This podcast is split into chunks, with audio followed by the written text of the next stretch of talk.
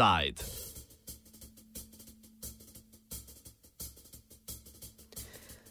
Turški upadi v Sirijo.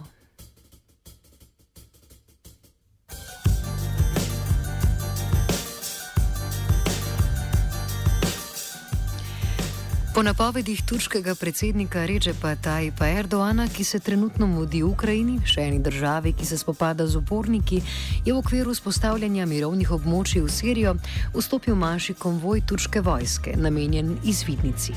Turška vojska je po dogovoru z Rusijo in Iranom zadolžena za vzpostavitev mirovne cone v provinci Idlib, ki jo v največji meri nadzoruje islamistična skupina Hayat Tahrir al-Sham. Gre za organizacijo nastalo januarja letos po prestrukturiranju formiranju fronta Al-Nusra, sirske veje Al-Kaide.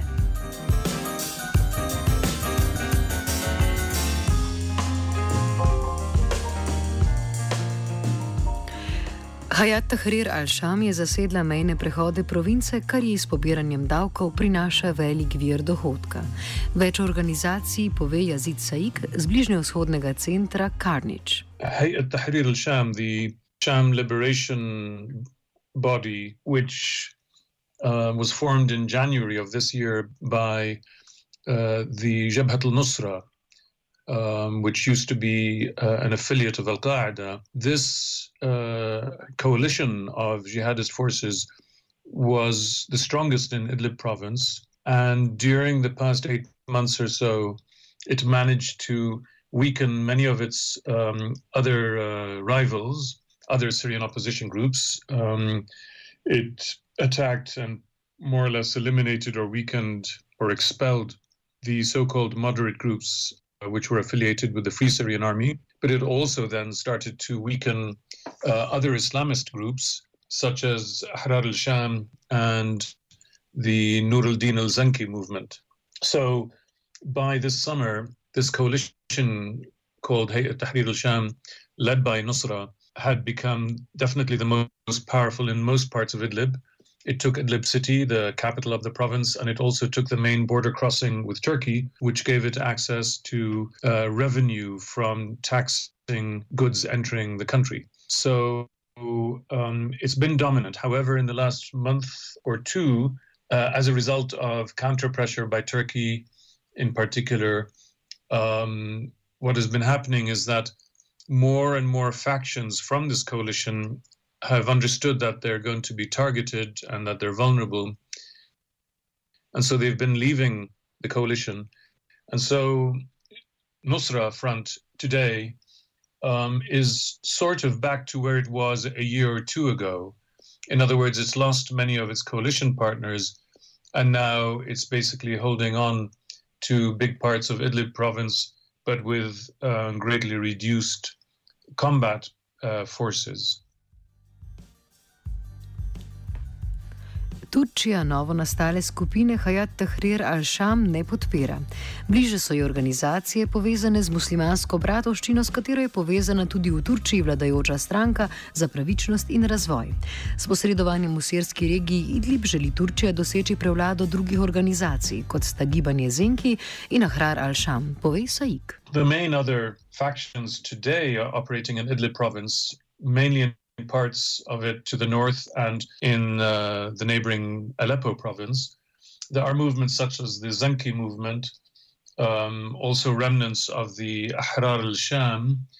But the people that um, Turkey is now relying on, it's established a, an umbrella structure um, which includes many groups, maybe 30 or 40 groups, uh, which have historically been close to Turkey, have received Turkish support, many of which are also uh, either belong or are allied with the Muslim Brotherhood movement, which is similar to the AKP party ruling Turkey. So, in other words, there is now uh, an attempt by Turkey to push Muslim Brotherhood groups forward as the main umbrella framework within which the opposition can group um, and which it is supporting in its military effort inside Idlib. Um, so you could say now that even the groups like Ahrar al Sham that previously were allied with Nusra have now joined umbrella groups that are supported by Turkey instead. Overall, these groups that are uh, now opposed to Nusra remain weaker than Nusra, probably. They're not as capable. They're maybe weaker in numbers, even overall. But the balance has shifted. It's become worse for Nusra, somewhat better for the people backed by Turkey. And so, with Russian air support, American airstrikes, and then Turkish ground support, it is possible for this um, umbrella framework to make uh, advances against Nusra in Idlib.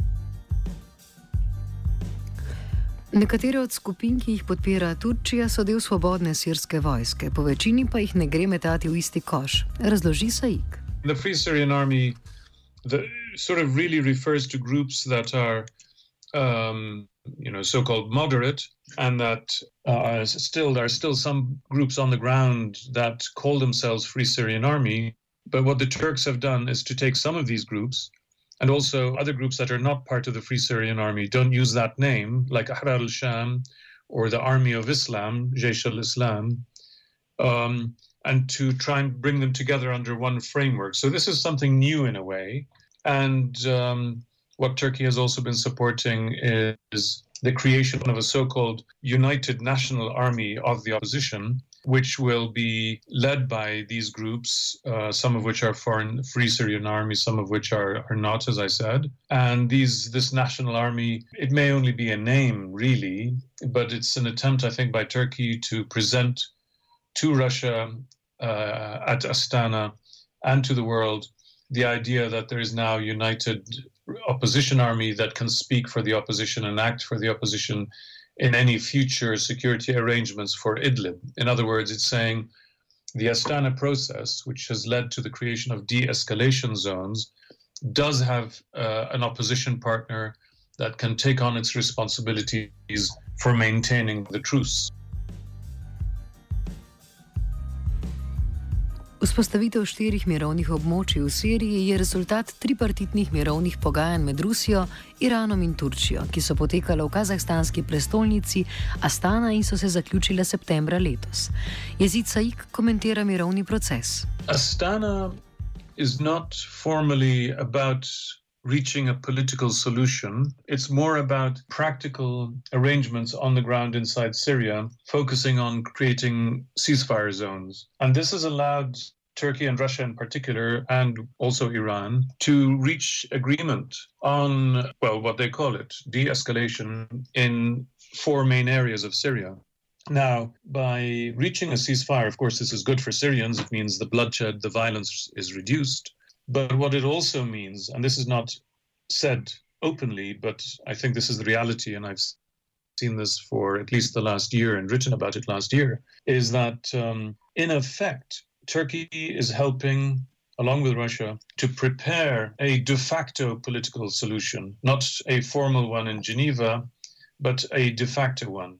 In other words, by having a ceasefire, and then by persuading the opposition to accept the ceasefire and to start dealing with the government um, over things like the supply of humanitarian assistance, opening up the movement of goods and people and trade, they are, in a way, creating a new environment in which so called reconciliation can happen between the government and the opposition. And we already see that in several areas where there has been a de escalation agreement, usually mediated by Russia, such as the eastern Ghouta around Damascus, the capital, or north of the important city of Homs. In these areas, there have been reconciliation agreements. That's what they're called. And what they mean really is that gradually um, the opposition forces in these areas start to negotiate directly with the regime, separately from the rest of the opposition, in order to reach some sort of long term agreement about local relations. So they will start to accept, for instance, assistance from the government. They might start to accept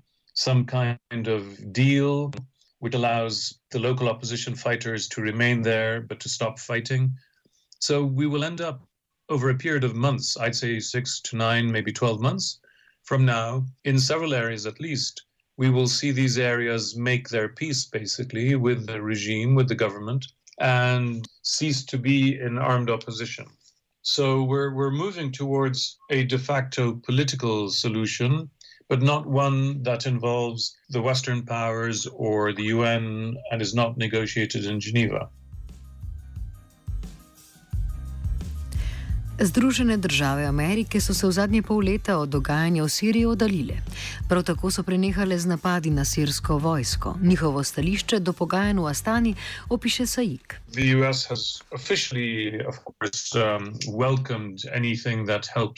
Reduce the bloodshed. They have not had any meaningful participation in the Astana talks. They only sent a relatively junior observer, So they've never offered really strong support. However, the US has effectively stopped fighting the Assad regime, is not really engaging in Syria. It's not trying to produce a specific peace deal in Syria. And it has allowed Russia to take the initiative almost completely. So the US um, uh, is basically standing by while Russia and Turkey do all these things. Russia and Turkey don't agree on everything, but I think Turkey has prioritized certain goals, in particular, of course, confronting the Kurdish presence in the north. And as long as it can secure that interest, then I think, although it is still opposed to the Assad regime, but down the line, it, I think, will accept the regime surviving and regaining control over all areas as long as Turkey has guaranteed that this will not include significant Kurdish autonomy in Syria. So we're not there yet, but I think that the US in all this has no clear position. It's basically not involved. It's signaling that it's not interested, that these other players can do whatever they want. Sirske oblasti turškemu posredovanju uradno ne nasprotujejo, a kot pove Saik, za nje ni legitimno. Tako Sirija kot Turčija imata skupne interese v boju proti kurdskim separatistom na vzhodu Turčije in severu Sirije. Po Saikovem mnenju Sirija računa, da Turčiji ne bo uspelo spostaviti močne nadvlade v regiji Idlib, kar sklepajo po neuspešnosti operacije Eufratov ščit, v kateri je turška vojska na pol presekala svobodna kurdska ozemlja v Siriji. At one level, officially, of course, they oppose Turkish intervention. And it's not clear so far exactly how much Turkey will go into Idlib. Um, so far, they want, it seems, to support opposition forces that they will assist and they'll provide, I guess, artillery support. But I think they're going to be they'll try not to send in their own troops into Idlib so long as they can't provide direct air support. And relying on Russian air support for the opposition forces is one thing, but to have Russian air support for Turkish forces is another. So I think we have to be a little bit careful about what we expect to happen in Idlib because the Turks haven't actually gone in yet. They may still do that, but they might go in just for a short distance. It's, it's difficult to say. And if things get complicated, if the, if the fight against Tahrir al-Sham is difficult, then it's not clear that the Turks want to take on that fight instead of the opposition. Their real interest instead is actually to try and limit the Kurdish enclave around Afrin and to, generally speaking, gain leverage so that if and when the regime starts to talk either to Turkey or to the Kurds about the future, Turkey wants to make sure that its voice is heard. So I think the, the regime will openly oppose the Turks at the same time, they will benefit if Turkey goes into Idlib and weakens Tahrir al-Sham, because then probably the regime and the Russians will start to advance in some other areas of Idlib. If not now, then within you know a few months. But I think the regime, generally speaking, will really resist acknowledging a Turkish role inside Syria. This is something that is highly problematic for it. So we can expect them to be quite tough and to try and resist legitimizing a big Turkish role in any area. And they are probably observing that the Turks have not been very successful in the north, where they created their what they call Euphrates Shield Zone. I mean, civilians there are suffering from poor services. Some are already leaving and going to government areas. So I think the regime will anticipate that it can um, resist Turkish influence successfully. But again, that will take a while.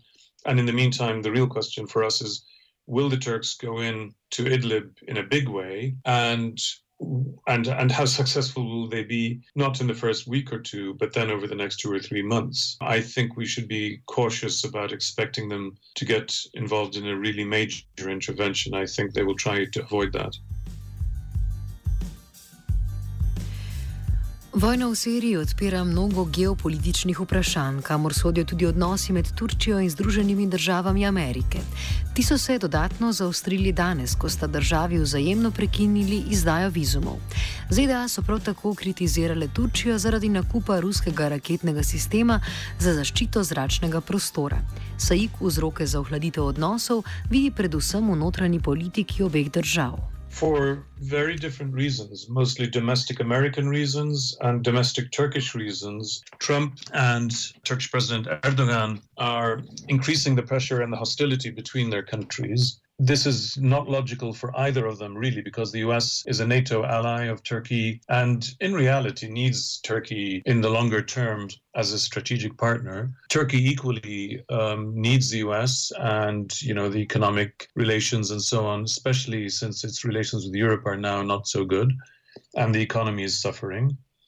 Um, but this only underlines that in both cases, it's domestic factors that you know Trump and Erdogan are both trying to confront their various domestic rivals, um, real or imagined, and they are in a mode of creating foreign policy crises in order to reinforce their position at home. You, you mentioned buying anti-defense, anti-aircraft defenses, and so on. I mean, the Saudis have just done that. They've just signed a big deal with Russia as well. So it's not as if this is unique for Turkey to do.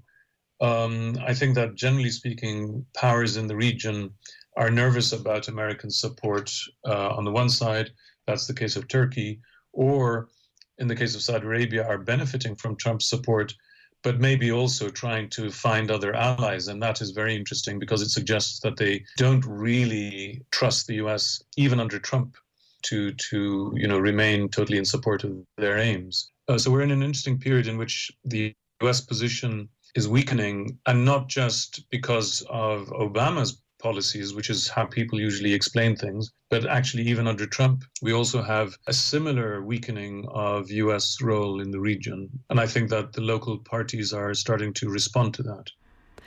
V prepovedanem položaju se je znašel noveli. But now for something completely different.